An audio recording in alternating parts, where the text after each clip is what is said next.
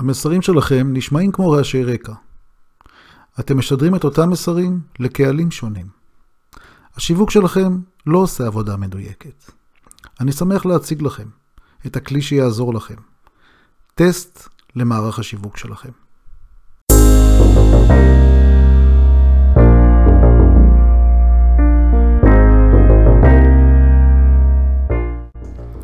ברוכים הבאים למאיץ, ניהול, שיווק, מכירות וכל מה שביניהם. כאן בני פלומן, ושתהיה לכם האזנה נעימה. לפני שמתחילים, הפודקאסט הזה מבוסס על מצגת. אז מי שבריצה או בהליכה או בנסיעה ומעדיף את הפודקאסט, אז שימו לב שמדי פעם תופיע מילה מצגת, והכוונה היא כמובן אה, למצגת וידאו. ודבר נוסף, אם יש תיאורים לגבי השקפים, אז יהיה אפשר להסתכל במצגת עצמה, שאני מצרף אותה as is. דרך אגב, אני מצרף גם את הטקסט עצמו. זאת אומרת, מי שירצה לקרוא רק את הטקסטים, אז גם זה יהיה בעמוד נחיתה. האזנה נעימה. והמצגת הזאת היא הולכת להסביר לכם מה זה שיווק, ממה הוא מורכב, איך מודדים אותו ואיך משפרים אותו. אז למה אני מתרגש משיווק? אני עוסק בו כמעט 30 שנים. גם בתור שכיר וגם בתור עצמאי. אמ, והדבר החשוב הוא שלמעשה זאת החוליה שמאוד קשורה לאסטרטגיה של הארגון, לאן הארגון הולך. היא מקשיבה טוב למה שקורה בחוץ, ללקוחות, של מה הם רוצים, מה הם צריכים, ויודעת לתקשר את זה בתוך הארגון כדי שהארגון יבנה את הדברים הנכונים, יטפל בלקוחות כדי, שה, אה, כדי שהעסק יעבוד. עסק עובד, עסק שמוכר, מגדיל נתח שוק ורווחיות. לכן אני מתרגש משיווק. גם ההגדרה של שיווק, כמו שתראו כאן היום במצגת, היא מגיעה לכל מיני מחוזות.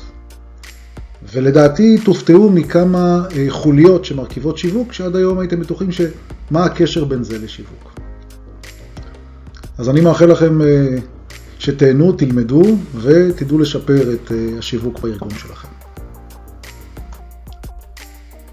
מה בדיוק עושה כאן שעון מהירות? הרי אם אנחנו לוחצים על הגז, המהירות של הרכב גדלה. אם מדברים על מנגנון השיווק, נלחץ על הגז זה אומר מה? שמוכרים יותר? השאלה אם מוכרים יותר זה טוב יותר? אז בואו נצלול קצת. אם הארגון מתקדם מהר, זאת אומרת הוא מוכר הרבה, זה לאו דווקא טוב. כי יכול להיות שהוא מוכר דברים במחיר הפסד, ואז הוא מפסיד יותר. יכול להיות שהוא מוכר הרבה בשוק שגדל הרבה מאוד, ובנתח שוק של החברה הוא הולך וקטן. אז עדיין, היקף מכירות גדול, נשמע טוב, אבל יכול להיות שהוא מפסיד נתח שוק והחברה הולכת ומתכווצת. כדי לא להעלות אתכם, הכוונה שלי זה שהמחוג שעולה למעלה הוא למעשה מדד האפקטיביות של מערך השיווק.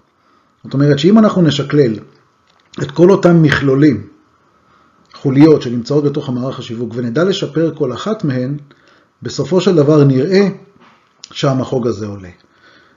גם נבין בדיוק מה זה אומר בארגון שהתוצאה היא מאוד חיובית, שהמחוג עלה מהר מאוד למעלה. מה שאתם רואים כאן לפניכם, למעשה זה טסט למערך השיווק. אתם uh, תבינו כיצד לבדוק כל חוליה וחוליה, ולהבין האם, זה, אם אתם נמצאים בכיוון הנכון מבחינת השיפור. אז אני בני פלומן. אני 30 שנים עוסק במכירות, שיווק, ניהול וליווי חברות. את הקריירה שלי התחלתי בתחום המכירות, בתחום התקשורת, לאחר מכן אה, בהקמה של תשתית האינטרנט בישראל, אינטרנט זהב. עברתי דרך תפקידים במודיעין עסקי בינלאומי ב Dun Bradstreet, סמנכ"ל שיווק בחברה שעוסקת בדשנים לחקלאות, מנהל השיווק של המכללה למינהל, של המסלול האקדמי, מנכ"ל של חברת אינטרלקט שעסקה בבנייה של תכנים ומערכות מתוקשבות בפרויקטים גדולים, גם מול משרד החינוך. ב-17 שנים אני מלווה בתעשייה חברות סטארט-אפ, מיזמים, חברות גדולות, במגוון תחומים. גם בהשכלה ובתוכנה ובפינטק וחברות e-commerce וכדומה. אה, עם השנים הגעתי לתובנה שבדרך כלל מה שאני עושה בכל פרויקט, הרנטגן הראשוני הזה, הוא בעקבות הניסיון, הוא לדעת לקחת את אותן חוליות שאני חושב שהן הכי משמעותיות, הכי קריטיות בתפקוד השוטף בחברה, לדעת למדוד אותן, להבין אה, מה צריך לשפר וסדרי עדיפויות, ומכאן, עם השנים, אני בעצמי עושה טסטים למערך השיווק. ולכן החלטתי שהגיע הזמן להציג לכם את התפיסה, להראות לכם את הכלים, ו... ואני אשמח אם תאמצו אותם ותפעילו אותם בחברה שלכם.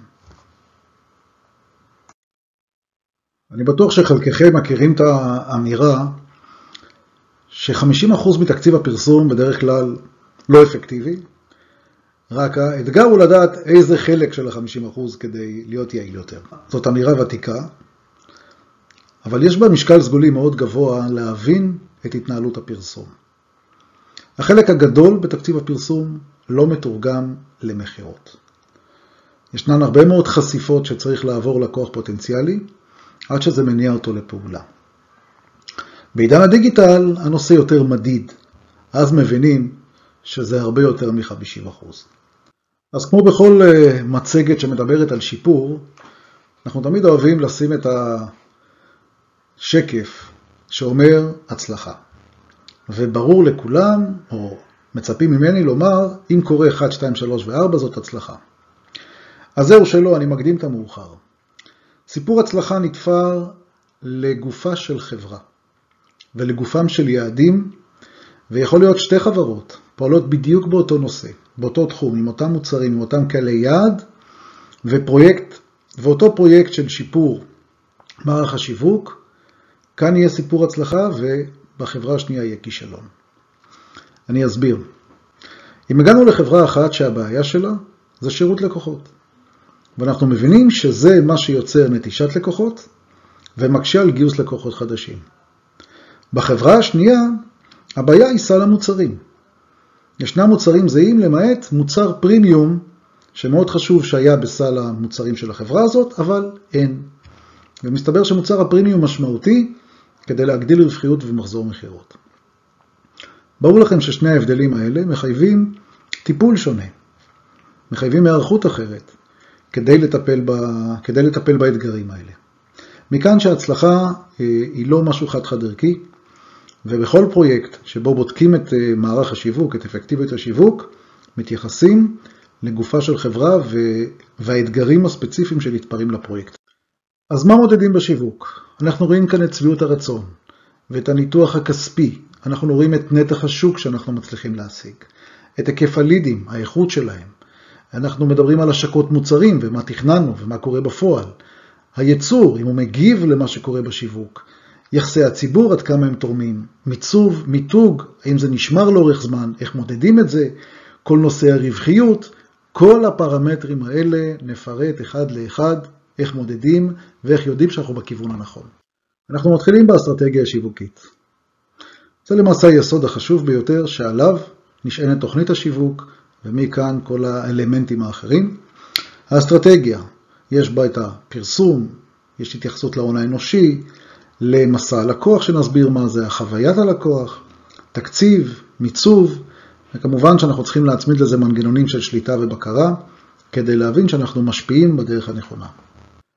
אז ברגע שנבנתה אסטרטגיה שיווקית, אני נמצא בצד שאומר איך אני בודק שאכן היא נבנתה ופועלת נכון. אז אני באמת רוצה לראות שהמיצוב והמיתוג שתכננו לחברה הזאת נשמר. כשאני בא לבדוק את האסטרטגיה השיווקית, ישנם מספר פרמטרים שמבחינתי הם מדדים שנותנים לי אינדיקציה לגבי השמירה על האסטרטגיה. אחד זה הנושא של המיצוב והמיתוג. שתיים לגבי נושא של מבנה הפרסום, ערוצי הפרסום והאפקטיביות שלהם. המבנה הארגוני במחלקת השיווק, ואם הוא מתאים ליישם את האסטרטגיה הזאת. התקציב, החלוקה שלו והעמידה ביעדים, ותהליך הבשלת הלקוחות, הבשלת הלידים, שאת זה אני יכול לבדוק ברמה של תהליך שהם עוברים והעלויות. חשוב לי לחדד מה בדיוק אנחנו בודקים באסטרטגיה השיווקית. אל תשכחו, זו החוליה הכי חשובה, היא לא חוליה, היא בסיס שעליו למעשה אה, נבנה כל השיווק. קהלי היעד, עד כמה הם נכונים ועד כמה אנחנו פועלים בהם בצורה נכונה. הנושא של הערכים המבדלים. אותם ערכים נתפסים שאני רוצה שהלקוחות יכירו את החברה ויאמרו, כן, החברה הזאת היא 1, 2, 3. הסביבה התחרותית. בסביבה התחרותית יש מתחרים, בסביבה התחרותית יש רגולציה, יש טרנדים שונים, יש דברים שקורים בארצות הברית ויגיעו לארץ. אני צריך להיות ערני ולהבין אה, מה בניתי ועד כמה אני מיישם את האסטרטגיה בסביבה הזאת. בחינה של האסטרטגיה כל הזמן, זה ברור, ומכאן היישום שלה. היישום שלה בתוכנית השיווק ובמה שקורה בשטח. אנחנו מביאים את הפרסום לשולחן הניתוחים. מה נבדוק כדי להבין שהפרסום עובד בצורה אפקטיבית? אחד, הפרסום צריך אה, לייצר לידים, וצריכים לבדוק שהלידים רלוונטיים. הפעילות גם אה, מיוצרת דרך קידום מכירות בפועל. יש לנו את הרשתות החברתיות, ששם הדגשים זה על רמת המעורבות של הלקוחות בפעילות הזאת, ההיקף שלה, מספר האנשים שמעורבים, עד כמה המסרים, עד כמה ה-DNA של הארגון באמת בא לידי ביטוי אה, בפוסטים שעולים ובתגובות אליהם. יש לנו את אתר החברה שנפרט בהמשך, את פעילות הקידום מכירות, את הביצועים של הספקים ואת נקודת האיזון. עד כמה למעשה העלות, זה נקרא ROI, זה return on investment, הכוונה עד כמה השקעה מחזירה את עצמה. הכוונה היא השקעה בשיווק, וכמה אנחנו רואים בזה בסוף מבחינת התוצאה במכירות. אחרי שהסברנו מה נבדק בפרסום, בואו נדבר על הכלים עצמם. אנחנו נבדוק את האתר, נבדוק mini site במידה ויש. mini site הכוונה היא לבנייה של אתר קטן, שוב לאותם אירועים, מקומות, מוצרים, שירותים שאנחנו לא רוצים שאנשים יגיעו דרך האתר החברה אה, ויחפשו את עצמם לתוך הפעילות הזאת. דפי הנחיתה, ניוזלטרים, גוגל, ממומן, לא ממומן, הפעילות בפייסבוק, באינסטגרם, אה, פינטרסט, יש כל פעם רשתות חדשות, אפליקציה, מאמרים והשיח ברשת, הניטור שלו. מול מי אנחנו עומדים כדי לבדוק את זה? אחד בטוח שיהיו שם אלה שבנו את האתר, ואלה שמקדמים אותו קידום אורגני, אה, מומחים בפייסבוק, בגוגל, אה, אנחנו מדברים על כאלה שידעו לנטר את השיח ברשת. אם זו חברה קטנה ובינונית, מי שיעשה את זה זה האנשים בארגון, אלה שנותנים מענה. אנחנו כן נרצה שהם יבנו לנו סוג של אקסל, ונחליט על ביטויים שליליים וחיוביים, כדי שנוכל להתחיל לראות מגמה של יותר שלילי, פחות שלילי. הדבר הזה חשוב, כי אלה לקוחות מדברים. זאת אומרת, זה, תחשבו לרגע שזה משול כמו לקוח שהרים טלפון ואו קילל וצעק, או נתן קומפלימנטים, ואנחנו צריכים קצת להבין סטטיסטיקה כמה כאלה יש מכל סוג, ולאן לכוון את השיווק בהתאם לדבר הזה. אנשי התוכן ומעצבים זה אנשים שאתם מפעילים אותם. אני מציע, ואני עושה את זה מדי פעם, מביא מומחים כאלה ואחרים בתחום התוכן, בתחום העיצוב, שייתנו חוות דעת. הם באים בציפייה שהם יקבלו פרנסה בפרויקטים האלה, ואני אומר לכם שלא מעט פעמים, מקבלת משוב כזה, ומהבנה שיש מולי בעל מקצוע מעולה, הם קיבלו פרנסה מהדבר הזה. אני מפרט כאן לגבי הנכסים המשמעותיים בכל חברה שאותם צריך לבדוק. יש לנו את האתר אינטרנט, שכאן יש כמובן את נושא התוכן, ועד כמה אנשים שמגיעים לאתר באמת אה, נמצאים בו, או מוצאים בקלות את המידע. יש כאן הגדרות בשקף הזה של דברים שחשוב שתשימו אליהם לב. המלצה שלי היא כן להשיג גורם חיצוני, שידע לבחון את האתר בעזרת תוכנות, ולנטר ולהבין האם באמת הוא אפקטיבי למטרות שהחברה בנתה. לגבי גוגל, כדי באמת לראות שהאתר שלכם נמצא בעמוד הראשון, עמוד שני, המבנה של האתר צריך להיות כזה שגוגל אה, ידע לעבד אותו נכון, ואז לתת לכם את הרייטינג המתאים. כאן זה להביא אה, איש מקצוע שמבין אה, בנושא של בניית אתר, ומבין את התקנות של גוגל, חוקים של גוגל, באיך גוגל מעכל נכון אתר כזה, ולבדוק את זה. אני מציע לבדוק את זה מספר פעמים בשנה, לא פעם אחת, והבדיקה הכי פשוטה שלכם שזה באמת עובד, זה באמת להקיש מילות מפתח רלוונטיות ולראות שאתם נמצאים במקומות הנכונים. פייסבוק. פייסבוק הוא למעשה ערוץ שנוצרת האינטראקציה המאוד חשובה שלכם מול הלקוחות. יש שם כמה דברים. אחד, קודם כל לראות שבאמת יש היקף פעילות גדול, זאת אומרת, גרמתם למעורבות של הרבה מאוד אנשים לתקשר איתכם, ולשאול אתכם שאלות, ולהגיב, להגיד כל מיני אמירות לגבי המוצר שלכם. אז העיצוב שלו חשוב. מה מופיע בתמונת נושא, איך מוגדר, אה, איך מוגדר העמוד, פעילות שקורית בו, גרפיקה, עיצוב שיראה כמו שצריך, וכמובן הפוסטים, התוכן. אה, עוד דבר חשוב זה איך אתם מגיבים גם לביקורת שלילית.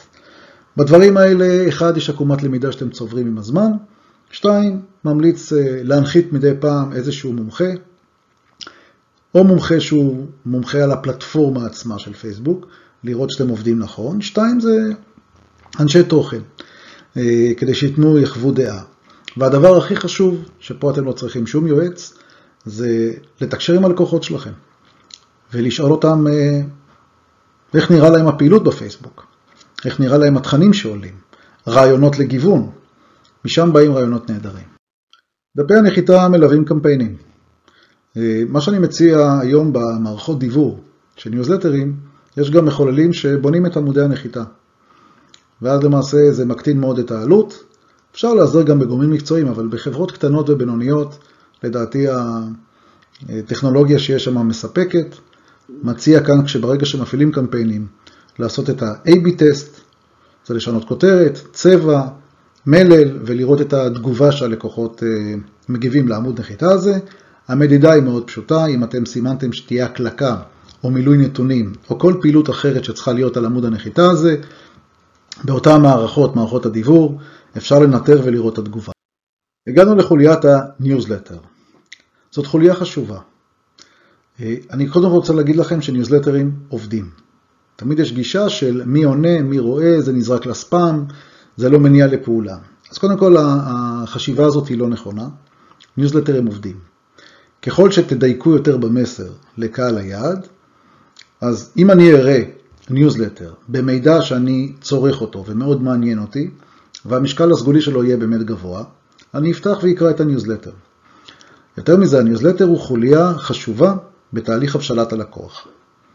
זאת אומרת, אני כדי לעקוב אחרי לקוח פוטנציאלי, וכל פעם לשלוח לו מסר אחר, ולראות אם הוא מגיב וזה מניע אותו לפעולה, עושה שימוש אה, משמעותי בניוזלטרים.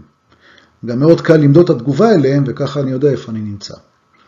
אז ניוזלטר זה דבר חשוב, לשים אותו על הפלטפורמה הנכונה, לבנות את אסטרטגיית התוכן, זה נשמע מילה מפוצצת, אבל זה בסוף לשבת ולהחליט, אוקיי, איזה מסר אני רוצה למסור ללקוח שלי? למה הוא יקנה אצלי ולא אצל מישהו אחר? איזה צורך יש לו? אז זה לא למצגת הזאתי, אבל יש תהליך שבו בונים את האסטרטגיה של התוכן, בוחנים איך היא מגיבה, וזה חלק משיפור האפקטיביות של מערך השיווק. בנושא ה mini site, אנחנו לפעמים מתבלבלים ואומרים, רגע, זה עמוד נחיתה, זה mini site. אז קודם כל, ההבדלים לא כל כך ברורים, ויש הרבה שמתיימרים להגיד, זה בוודאות mini site וזה בוודאות עמוד נחיתה, עזבו את ההגדרה הטכנית. אני לא מתייחס להגדרה הטכנית, אני מתייחס בעיניים של השיווק. אני אגיד לכם מתי אני משתמש ב mini site. שישנה פעילות מסוימת, שאני לא רוצה שילכו לי לאיבוד באתר של החברה. ואני צובע את הפעילות הזאת בצבעים מסוימים, שהם לא בדיוק הצבעים שקורים באתר. ואני רוצה ליצור שם אינטראקציה, שבאתר לחפש אותה זה יהיה סיפור. אז אני בונה mini site. אני מקדם את ה mini site הזה, אני מתייחס אליו כמו אתר רגיל לכל דבר. לא תמיד אני אשקיע ב mini site, צריך פה לחשוב אסטרטגית אם באמת דבר כזה מוציאים אותו החוצה ונותנים לו את החיים הדיגיטליים שלו, או בכלל, קידום המכירות של הפעילות הזאת וכו'. אז אז אני בונה mini site, ולמעשה אותם חוקים שחלים על קידום של אתר חברה, חלים על ה mini site. לגבי ההון האנושי בשיווק, אז חברות קטנות ובינוניות, אין להן מחלקות שיווק, ואז הנושא הזה פחות רלוונטי. במקרים שלהם אני, אני מציע להתייעץ עם אה, גם יועצים מקצועיים בתחום השיווק, ויש חברות בינוניות שלמעשה יש להם שיווק במיקור חוץ. כדי שבאמת יהיה מישהו שיישם את האסטרטגיה השיווקית ויוביל אותה, יסייע להוביל אותה בתוך הארגון. לגבי הארגונים הגדולים, שם ברור שהנושא הזה רלוונטי. המבנה של היחידות מושפע מה... מתהליך המכירה בתוך הארגון, אם זה מודל שעובד לפי סוגי לקוחות או לפי סוגי מוצרים, אנחנו נראה את זה בהמשך. מבנה הגדרת תפקיד נתפר פנימית בתוך החברה, וכמובן שיש פונקציות שונות, יש כאלה שאחריות על הדיגיטל, ואנשי האוטומציה, ואנשי הדאטה, והמרקום, וכו'. לגבי נושא של ניצול זמן, אז זה לא במצגת הזאת, אבל ברור שזה חלק מהמדדים שצריכים להיות, נושא של משובים שצריך לחייל אותם ולהוציא משם מדדים אמפיריים, אותו כנ"ל לגבי תוכנית הכשרה, ובנושא של ממשקים מול יחידות, כל יחידה בתוך הארגון היא גם ספק וגם לקוח. ולא נרחיב על זה כאן, אבל כשעושים את המיפוי הזה, מבינים מי הספקים של יחידת השיווק, הספקים הפנימיים אני מדבר בתוך הארגון, ושל מי, ומי הלקוחות. למשל, מערכת המחירות, מחלקת המחירות, היא לקוחה של מחלקת השיווק. ולמשל, מחלקת המחשוב היא ספקית של מחלקת השיווק. אני אומר את זה כי כשמתחילים למפות מה אני צריך מהספקים הפנימיים שלי ומה אני צריך לתת ללקוחות שלי, כאן על זה כבר אפשר לבנות מדדים. אני מבדיל בין זה לבין ספקים חיצוניים שעובדים עם השיווק. אנחנו רואים לפנינו מבנה ארגוני שבנוי לפי סוגי לקוחות. יש ניהול לקוחות עסקיים, לקוחות פרטיים, והשיווק למעשה מתקשר מול מנהלי המחלקות האלה ונותן תמיכה. דוגמאות שהשיווק נדרש להם בלקוחות עסקיים, אם זה מכירות בתוך רשתות, חנויות, אז כמובן שזה אמצעי המחשה, חומרים, חומרי הסבר לתוך אותם נקודות מכירה. לקוחות פרטיים, אז מדובר יותר על קמפיינים שאמורים להביא לקוחות פרטיים, אם זה מכירה דרך האינטרנט, אז לקנייה, לרכישה של מחשבים. אם זה באופן פרטני דרך קטלוגים או מודעות, אז זה טלפון ישירות למרכז הזמנות ומשם להזמין. יכולות וכלים שונים לגמרי שצריכים להיות על ידי השיווק. מה שאתם רואים כאן לפניכם זה חברה שמתנהלת בצורה מוצרית. זאת אומרת, המכירה שלה היא מוכרה לפי מוצר. בכל מוצר יש כמה ורטיקלים, יש לקוחות מוסדיים, יש לקוחות פרטיים, ומכאן השיווק למעשה נותן תמיכה ברמת מוצר. ישנה את האסטרטגיה השיווקית ותוכנית שיווקית שהיא לפי מוצרים, וההתנהלות היא מול מנהלי המוצר. אז זו דוגמה למבנה שונה, שבו השיווק צריך לתת מענה. אז עכשיו תורה של חוויית לקוח להיות על שולחן הניתוחים. חוויית לקוח היא דבר מורכב, כי היא נוצרת בכל אינטראקציה שיש ללקוח פוטנציאלי או לקוח קיים, עם החברה, חברה, המסרים של החברה, הפרסומים של החברה. מכאן שהניטור, ההגעה למידע על מה קרה ללקוח שטייל באתר, ועד כמה מהר הוא הגיע למידע הרלוונטי, ומה קרה ללקוח שכבר רכש וביקש בקשת שירות, ואיך הוא נהנה, ומה עם לקוח שהוא נגמרה לו אחריות, ובכל זאת יש לו בעיה. כל אינטראקציה כזאת מעידה על חוויית לקוח. מכאן שאחד, המידע הזה קריטי, גם לאסוף אותו וגם לאבד אותו, ושתיים, למדוד, להבין מה קורה לנו בנושא של חוויית הלקוח. ועכשיו לחוויית הלקוח המושלמת. מה אתם צריכים לעשות כדי לספק חוויית לקוח מושלמת? הלוואי והייתי יודע. חוויית לקוח היא לא דבר אובייקטיבי, היא דבר סובייקטיבי. ישנם סוגי טיפוסים שונים שמגיבים אחרת. אבל כדי לא לסבך יותר מדי, יש בסוף כמה דברים אלמנטריים שצריכים לבנות אותם, כדי שבאמת נשפר את חוויית הלקוח. צריך להיות מנגנון שיודע להקשיב ולקבל משוב. פיזית, בחנות או במתחם מכירה, וכמובן גם דיגיטלית. נושא האמינות וההוגנות. כל הצהרה שלכם, בעל פה או בכתב, צריכים לקיים אותה, וצריכים להראות שקיימתם אותה. מהירות תגובה, לפי מה שהבטחתם. מהירות תגובה היא גם ברמת שירות, גם ברמת אה, זמינות. מישהו נכנס לחנות, פונה, ממתין בתור, מחכה למוצר, לא נמצא במלאי, יש פה הרבה מאוד פרמטרים בהם מדברים על מהירות תגובה, תפעול ידידותי ונוח, של כל אותם אלמנטים שבאים באינטראקציה איתכם.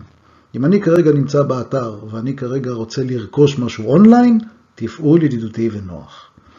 אם אני כרגע נמצא בנקודת מכירה, ויש רעש, ומוזיקה מרעישת אוזניים, והספסלים לא נוחים לשבת, זה לא תפעול ידידותי ונוח. אז שימו לב כמה, בכמה אספקטים נבחן הנושא הזה, ולכן צריך לבנות מדדים ספציפיים לפי מה שחשוב. אחריות ללא אותיות קטנות, כולם מבינים מה זה, זה לא שירדפו אחרי הלקוח ויגידו לו, אבל בשורה שמונה, המילה השלישית אומרת שאתה לא צודק. כי אם הגענו למצב כזה, יש לנו בעיה. וזה כמובן פוגם בחוויית לקוח. טוב, אני התכוונתי לשים את חוויית הלקוח על שולחן הניתוחים ולא אתכם. התלבטתי הרבה לגבי השקף הזה, אם יש מקום להציג אותו. החלטתי שכן, כדי שאחד, תבינו כמה פרמטרים יש לבדוק חוויית לקוח. שתיים, להרגיע אתכם שחלק גדול מהמדדים שיש כאן קשורים לעולם הדיגיטל. ומי שידע אה, לנתח אותם נכון, זה באמת אנשים שזאת המומחיות שלהם. אה, הבדיקה של חוויית הלקוח זה כל מיני אינדיקטורים שלקוח חווה אותם כשהוא מחפש אתכם.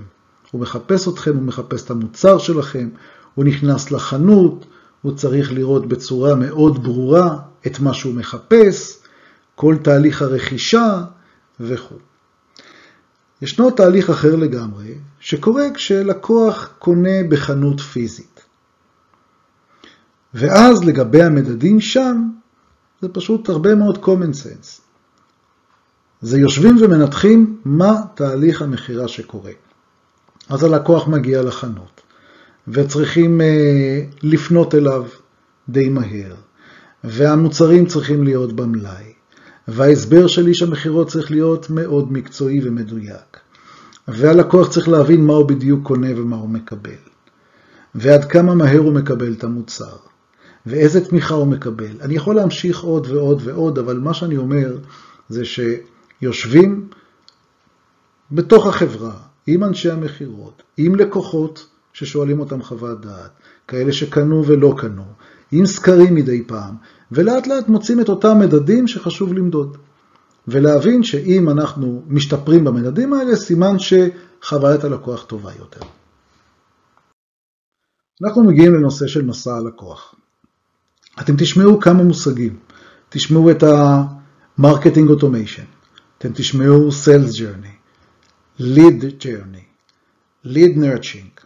הרבה מאוד מושגים שאם מנסים להבין מה משותף, משותף הוא שיש לקוח פוטנציאלי שעוד לא קנה, ואנחנו מחזרים אחריו באמצעות תכנים לפי תהליך המכירה שבו הוא נמצא.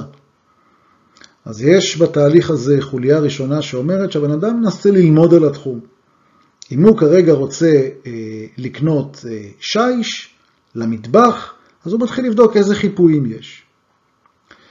בשלב הבא שלו הוא מתחיל להבין איזה אופציות הוא מאוד רוצה לחקור עוד יותר ולהשוות ביניהם.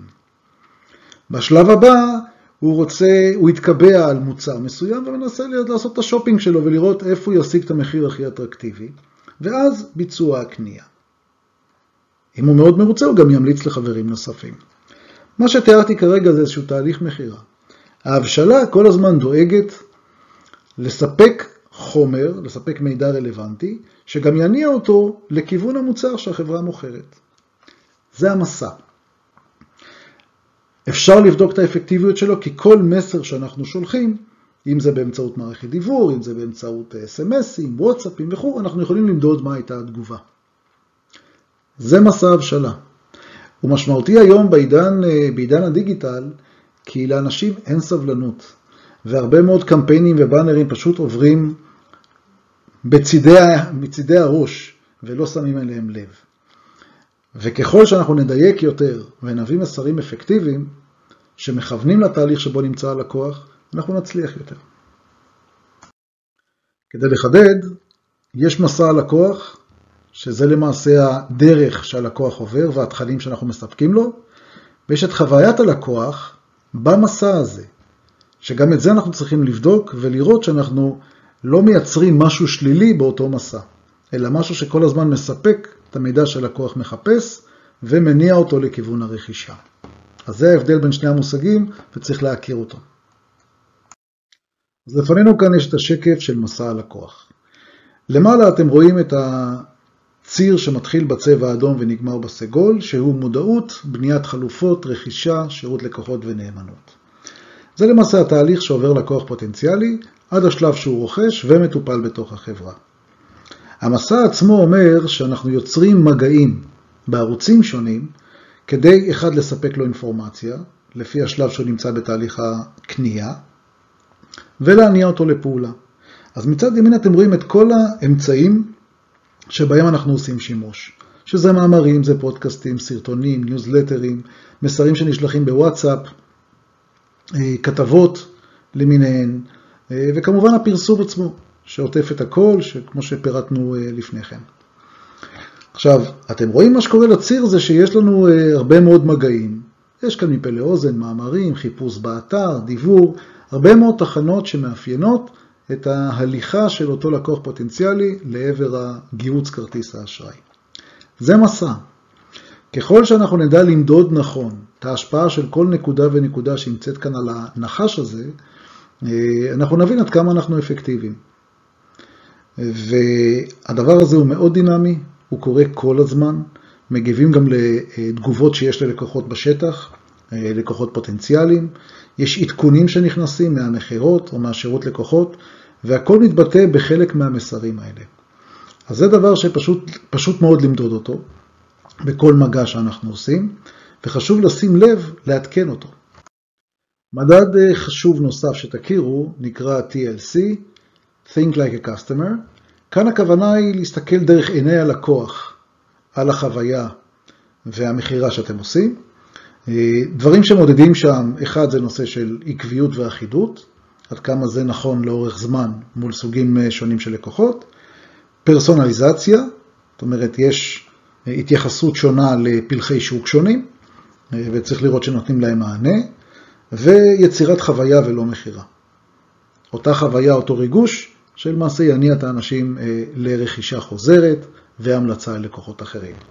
מה בדיוק מודדים?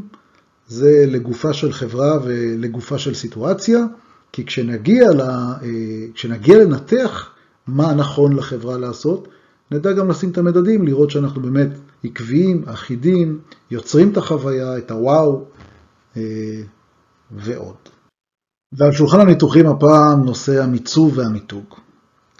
דבר ראשון אני רוצה להראות לכם את המודל מפתח המותג, לא נרחיב עליו יותר מדי, אלא נרחיב על איך מודדים את המיצוב והמיתוג, אבל מה שיש כאן לפנינו זה למעשה איך נבנה מותג, מתייחסים לסביבה התחרותית, לקהל היעד, לתובנות שאנחנו רוצים שיהיו למוצר הזה, ואיזה ערכים אנחנו רוצים שיהיו למפתח. אתם רואים בראש של המפתח, אפשר לראות את.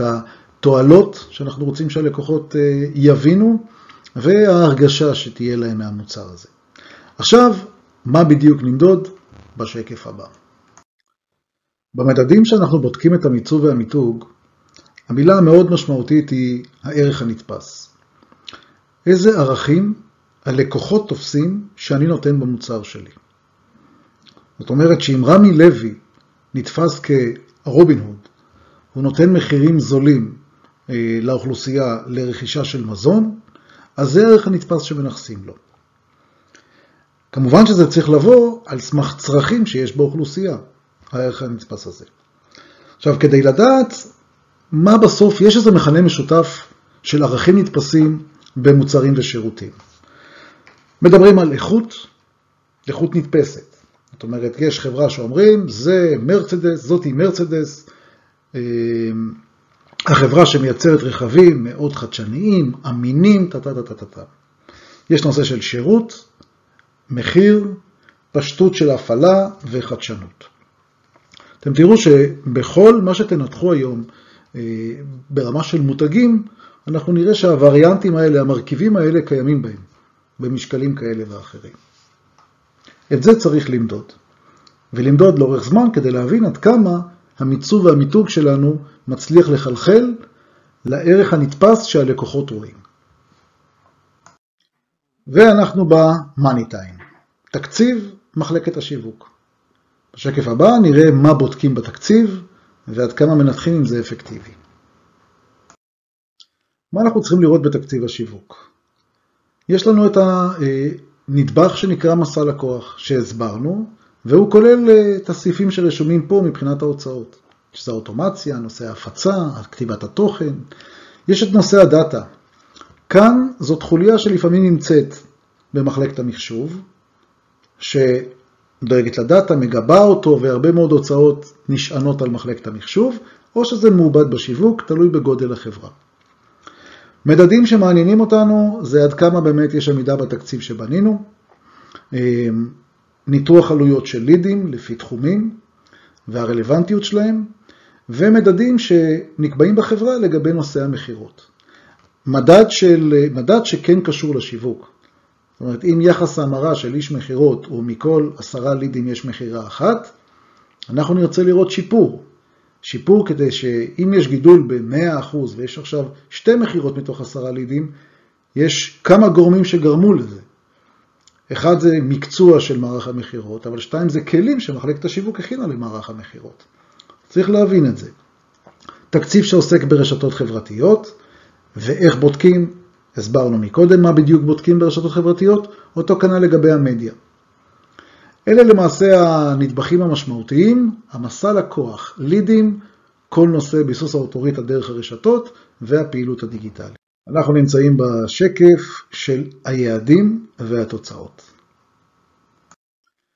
כדי אה, למדוד עמידה ביעדים, כמובן שזה מתבצע כל הזמן ב-ongoing, אה, וניתן אחת לרבעון, אחת לחצי שנה, באמת לתת אה, ניתוח מקיף, אבל יש את תוכנית העבודה, יש את תקציב שתקצבנו את התוכנית הזאת, יש את היקף הפניות שעשינו ועד כמה הם עומדים ביעד הכספי שנתנו, יש את הספקים עם החוזים שלהם, שגם אמרנו פה נקודה חשובה שבכל חוזה כן צריכים לראות איזשהו קשר לעמידה ביעד או הצלחה של הפרויקט.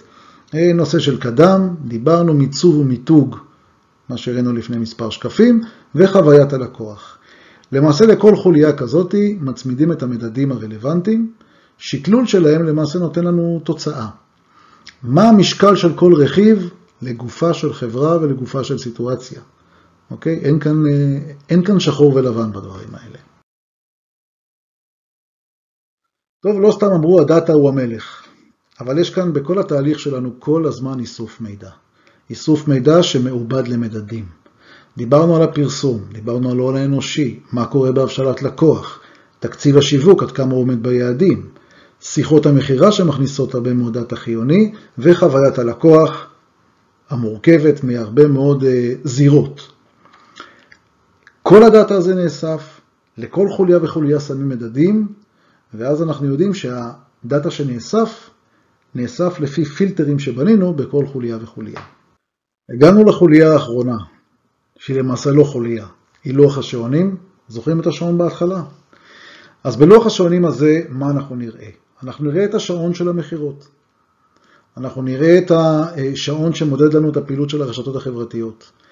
שעון שמראה עד כמה אתרי החברה אפקטיביים, שעון הפרסום, שנשקלל בפנים את המדדים של עלויות הלידים, והמדדים של עד כמה אנחנו משתפרים בכל ערוץ וערוץ.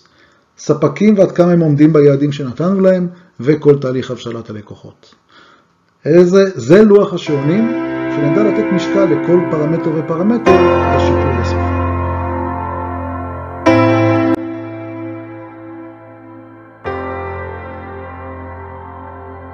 אז תתחדשו על הלוח שעונים החדש. אה, ברור לכם שכל אה, לוח כזה נתפר לחברה ולסטטוס שלה, אה, והכי חשוב לאסטרטגיה, האסטרטגיה העסקית שלה והשיווקית שלשם היא הולכת. בהצלחה בנסיעה.